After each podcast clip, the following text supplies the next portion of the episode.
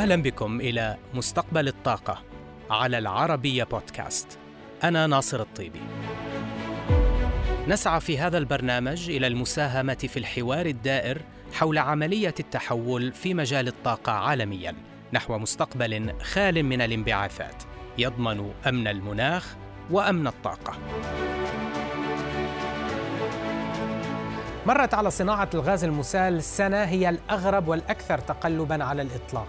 فمن انخفاض قياسي للأسعار في ذروة جائحة كورونا العام الماضي إلى مستويات قياسية لأسعار الشحنات الفورية لوقت وجيز في يناير من هذا العام قبل أن تعود إلى مستوياتها السابقة. لكن المؤشر الأهم العام الماضي هو استمرار نمو الطلب العالمي على الغاز المسال ليصل إلى 360 مليون طن بزيادة طفيفة عن العام الأسبق وفق تقرير شل السنوي عن سوق الغاز المسال. لكن مجرد النمو في سنة الجائحة يشير إلى مدى قوة السوق. من أين تأتي قوة الطلب؟ كما قد تتوقعون الطلب الأكبر يأتي من الصين والهند اللتين نما فيهما الطلب بنسبة 11% لكل منهما العام الماضي. الصين وحدها استهلكت العام الماضي خمس الاستهلاك العالمي. وهذا الاستهلاك لم يعد يقتصر على تشغيل محطات الكهرباء كبديل عن الفحم بل اتسع إلى قطاعات أخرى. فالشاحنات والباصات الصينية مثلا استهلكت العام الماضي وحده 13 مليون طن. مقارنة ب 7.9 مليون طن تم استهلاكها على الطرق في أوروبا. تخيل أن الصين لديها أكثر من ثلاثة ألاف محطة وقود تزود المركبات بالغاز المسال. مقابل 300 محطة في الدول الأوروبية مجتمعة. شركة شيل تتوقع أن يتضاعف الطلب العالمي من 360 مليون طن العام الماضي إلى 700 مليون طن بحلول العام 2040 السبب الأهم للنمو هو السعي العالمي لتقليص الانبعاثات. وقد حملت عام 2020 أخبارا مهمة على هذا الصعيد إذ أعلنت ثلاث من الدول العشر الأكثر تصديرا للانبعاثات أهدافا محددة للوصول إلى صافي صفر انبعاثات. الغاز المسال في هذه الحال يشكل بديلا مجديا للفحم الحجري أقله في المرحلة الانتقالية إلى حين التحول إلى الطاقات المتجددة. كوريا الجنوبية مثلا تعتزم تحويل 24 معملا لتوليد الكهرباء من الفحم إلى الغاز. أيضا هناك تحول متزايد نحو الغاز كوقود للشحن البحري. ومن المتوقع بحلول عام 2040 أن تكون هناك 45 سفينة مخصصة لتزويد السفن الكبرى بوقود الغاز المسال. لكن الصورة ليست وردية تماما للغاز فالغاز ليس وقودا نظيفا بالكامل بل إن استخراجه من الحقول يصدر انبعاثات هائلة. لذلك بدأ المشترون يفرضون معايير في المناقصات تتعلق بتسجيل حجم الانبعاثات في كامل دورة إنتاج الغاز وتصديره. ولهذا السبب بدأ المنتجون يدخلون إلى مشاريع التطوير الجديدة أو يدخلون معايير جديدة لالتقاط واحتجاز الكربون واستخدامه وتخزينه أو ما يعرف اختصارا بال CCUS وهو ما يفرض تكاليف إضافية كبيرة. آخر الأمثلة مشروع قطر للبترول لتطويل شرق حقل الشمال بتكلفة وصلت إلى 871 دولارا للطن وهو ما فاق توقعات الصناعة وفق تقرير ل S&P Global Platts. التحدي الآخر الكبير هو الزيادة المتوقعة في المعروض في ظلضخامة مشاريع الغاز المسال التي ستبدأ التشغيل من الآن وحتى منتصف العقد الحالي والتي ستضيف طاقة إنتاجية بنحو 120 مليون طن سنويا أي ما يعادل ثلث الإنتاج الحالي. وتشير S&P Global Platts إلى التحدي الذي سيواجه قطر للبترول في تسويق إنتاج مشروعها الجديد الذي تصل طاقته إلى 33 مليون طن سنويا يضاف إليها 23 مليون طن من عقودها القائمة التي سينتهي أجلها في السنوات الست المقبلة.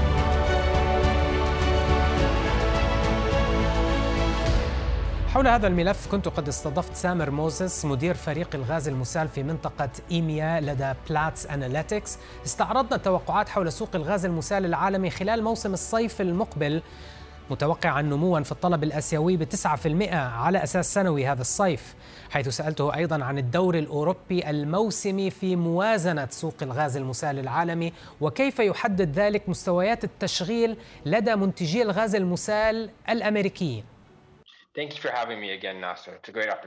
شكرا ناصر على استضافتك لي مجددا. إنها فرصة لأن نستعرض وإياك آخر التطورات على صعيد أسواق الغاز المسال العالمية. إنك محق. الأسواق كانت ديناميكية وكثيرة الحركة خلال عام 2020 ولكن مع اقترابنا من موسم صيف 2021 نرى تحسنا ملحوظا في الطلب الآسيوي على الغاز المسال مقارنة بمستويات الفترة نفسها من العام الماضي. وهذا جزء من عودة الأمور إلى طبيعتها بعد انهيار الطلب العام الماضي والذي بدأ يتحسن شيئا فشيئا. المحركات الأساسية على هذا الصعيد ستكون اليابان وكوريا الجنوبية وبكل تأكيد الصين والتي سيعتمد تعافي طلبها بشكل رئيسي على قطاعها الصناعي. لذا ومع تحسن النشاط الاقتصادي فإن هذا سيدعم توقعاتنا لنمو الطلب على الغاز المسال خلال الصيف المقبل. حيث نتوقع نموا موسميا تصل نسبته السنوية إلى 9% مقارنة بالانكماش الذي سجلناه في الفترة نفسها من العام الماضي. بالطبع هذه التوقعات تواجهها مخاطر عدة. فمثلا هناك مخاطر تواجه الطلب الاقتصادي في اليابان والطلب على الغاز في مدنها. كما أنه باستثناء شمال شرق آسيا لدينا أسواق النمو في شرق وجنوب شرق آسيا. وتحديدا الهند وباكستان وبنغلاديش.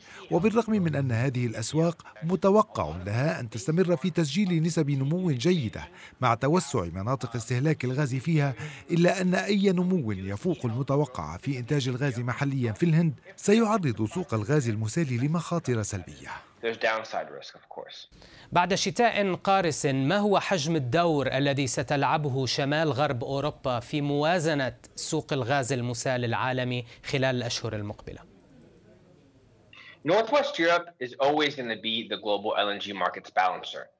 شمال غرب أوروبا ستظل دائما تلعب دورا موازن في سوق الغاز المسال العالمية حيث تتمتع بقدرات إعادة تخويز كبيرة قادرة على استيعاب كميات ضخمة من واردات الغاز المسال.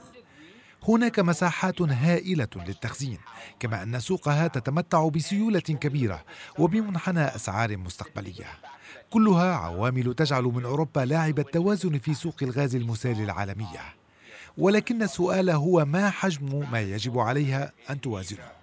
وبالنظر إلى الصيف المقبل فإن العامل الأبرز سيكون ما حدث خلال موسم الشتاء الفائت حيث شهدت سوق الغاز المسال العالمية اضطرابات في الإمدادات إلى جانب موجة برد شديدة في آسيا. وهو ما جذب كل الإمدادات المرنة نحو السوق الآسيوية في ديسمبر ويناير وفبراير ما نتج عنه انخفاض في مخزونات أوروبا.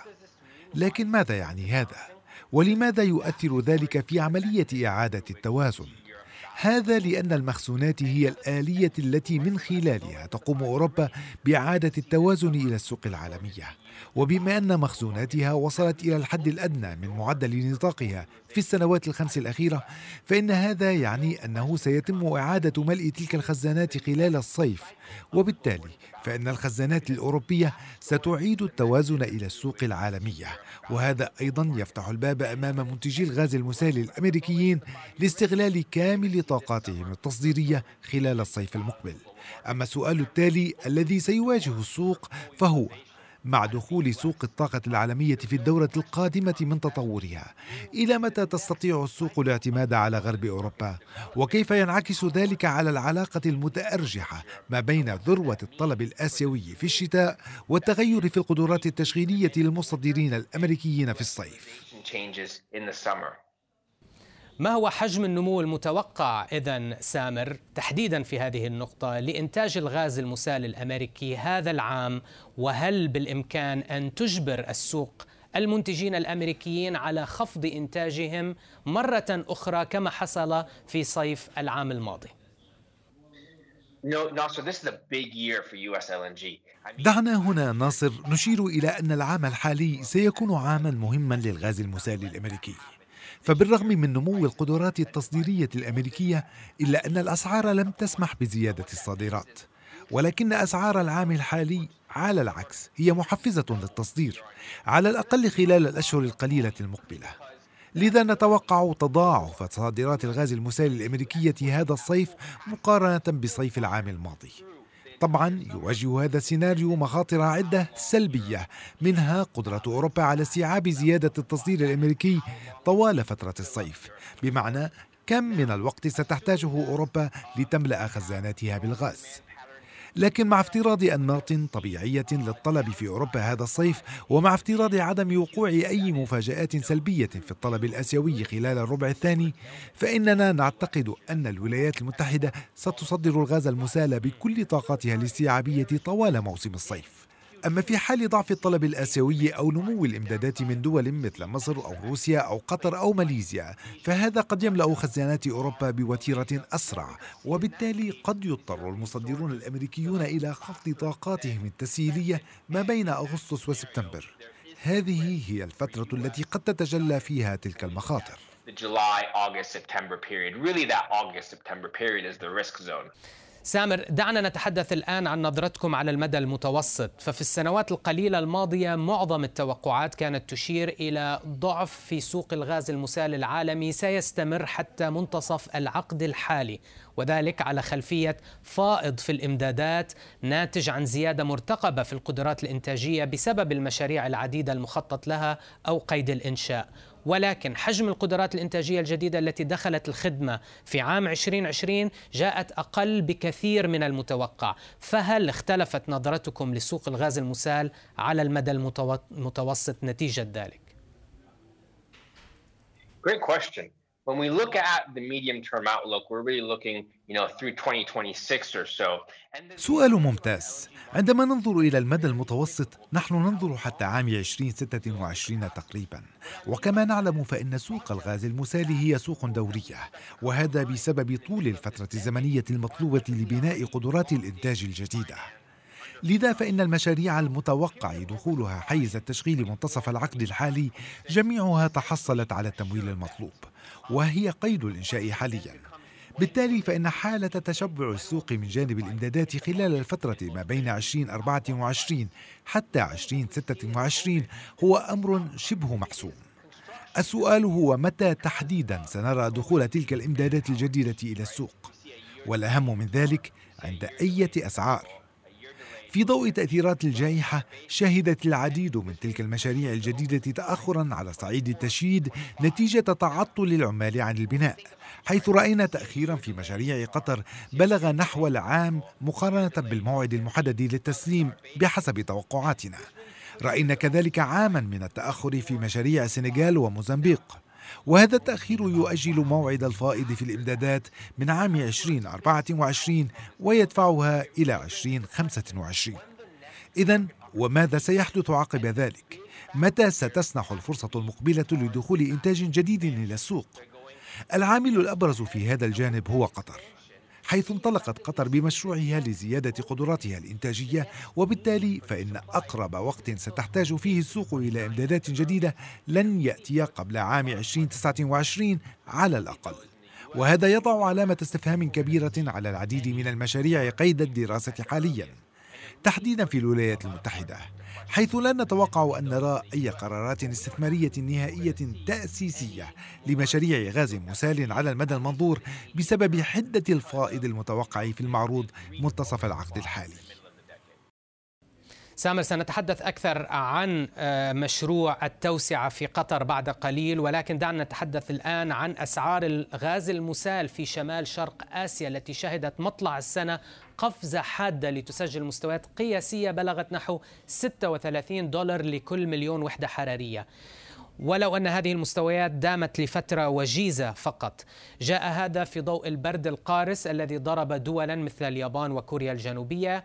إضافة إلى بعض المعوقات على صعيد اللوجيستكس هل تتصور أن هذا التقلب الحاد في الأسعار سيصبح سمة في أسواق الغاز المسال من الآن فصاعدا لماذا أو لما لا؟ This winter we really saw a perfect storm. في الشتاء الذي مضى رأينا كيف التأمت عاصمة مكتملة من العوامل الداعمة للأسعار فقد شهدنا تعطل الإمدادات من قطر ونيجيريا وأستراليا. أضف إلى ذلك اضطرار السوق الآسيوية لسحب الإمدادات الهامشية من الولايات المتحدة عبر رأس الرجاء الصالح وهي رحلة تستغرق الناقلة نحو 30 يوما لاجتيازها. هذا إلى جانب الانخفاض الحاد في درجات الحرارة في آسيا مما زاد من الطلب بشكل قوي وفوري. كل هذه العوامل تضافرت لتقييد الأسواق وهو ما انعكس صعودا سريعا على الأسعار الفورية في آسيا أي مؤشر القياس JKM في شهري يناير وفبراير الماضيين والحقيقة أن فرصة تضافر تلك العوامل مجتمعة أمر نادر الحصول وبالنتيجة انعكس ذلك تقلبا حادا في الأسعار. نحن لا ندعي أن هذا لن يحصل مرة أخرى أبدا. لكن علينا أن نفرق ما بين العوامل الذاتية الباقية وما بين العوامل الخارجية العابرة. ومن أبرز العوامل الباقية أن الإمدادات التي ستسد الطلب الجديد في آسيا يجب أن تأتي من حوض الاطلسي أي من الولايات المتحدة ومن قطر ومن نيجيريا لأنه لا يوجد إمدادات جديدة قادرة على سحب هذا الطلب. وهذا يعني بالضرورة أن رحلة تلك الناقلات ستستغرق وقتا أطول إلى حين وصولها إلى آسيا وفي حال أي قفزة في الطلب الفوري فهذا سيحفز أسعارا أعلى لتغطية تكاليف النقل الأعلى. هذه حقيقة لن تتغير. بالتالي فإننا دائما سنلحظ اتساع الهامش ما بين أسعار آسيا وأسعار أوروبا وأمريكا كل شتاء. لكننا لا نتوقع أننا سنرى تقلبات حادة كالتي شهدناها مطلع العام. فقد تضافرت العديد من العوامل غير العادية لتعطينا حالة شاذة. لكننا في الوقت نفسه نعتقد أن السوق قد تجد نفسها مقيدة بين الحين والآخر وهذا يعني أن أسعار الغاز المسال في آسيا كل شتاء ستسجل علاوات سعريه مرتفعة مقارنة بالأسعار العالمية are significantly at a significant premium to global gas prices elsewhere. دعنا نتحدث الآن عن قطر سامر. قطر للبترول أعلنت مؤخرا عن قرارها الاستثماري النهائي في مشروع توسعة شرق حقل الشمال البالغ 33 مليون طن سنويا من الغاز المسال. S&P Global Platts تعتقد بأن المشروع سيدخل الخدمة عام 2027 كما تعتقدون أن سعر التعادل للمشروع على المدى البعيد لصادراته إلى آسيا سيبقى عند مستويات تنافسية جدا بالرغم من التكلفة الأعلى من المتوقع للمشروع. ولكن ما هي التحديات التي ستواجه قطر للبترول في تسويق هذه الكميات الهائلة من الغاز المسال وكيف ستواجهها؟ أسعار الغاز المسال القطري هي أحد أكثر الأسعار تنافسية في السوق العالمية وهذا ينطبق على المعروض الحالي والإمدادات المستقبلية خصوصا حين يتجاوز سعر النفط مستوى 35 دولارا للبرميل فبحسب دراساتنا في بلاتس فإن سعر الغاز اللقيم القطري تصبح تكلفته صفرا تقريبا بسبب الإيرادات المجزية من بيع سوائل المصاحبة لإنتاج الغاز. ولكن بغض النظر عن تنافسية سعر الغاز المسال القطري فإن مشروع توسعة شرق حقل الشمال القطري سيدخل الإنتاج بحلول عام 2027 وسيدخل معه كميات ضخمة من الغاز المسال تصل إلى 33 مليون طن سنوياً.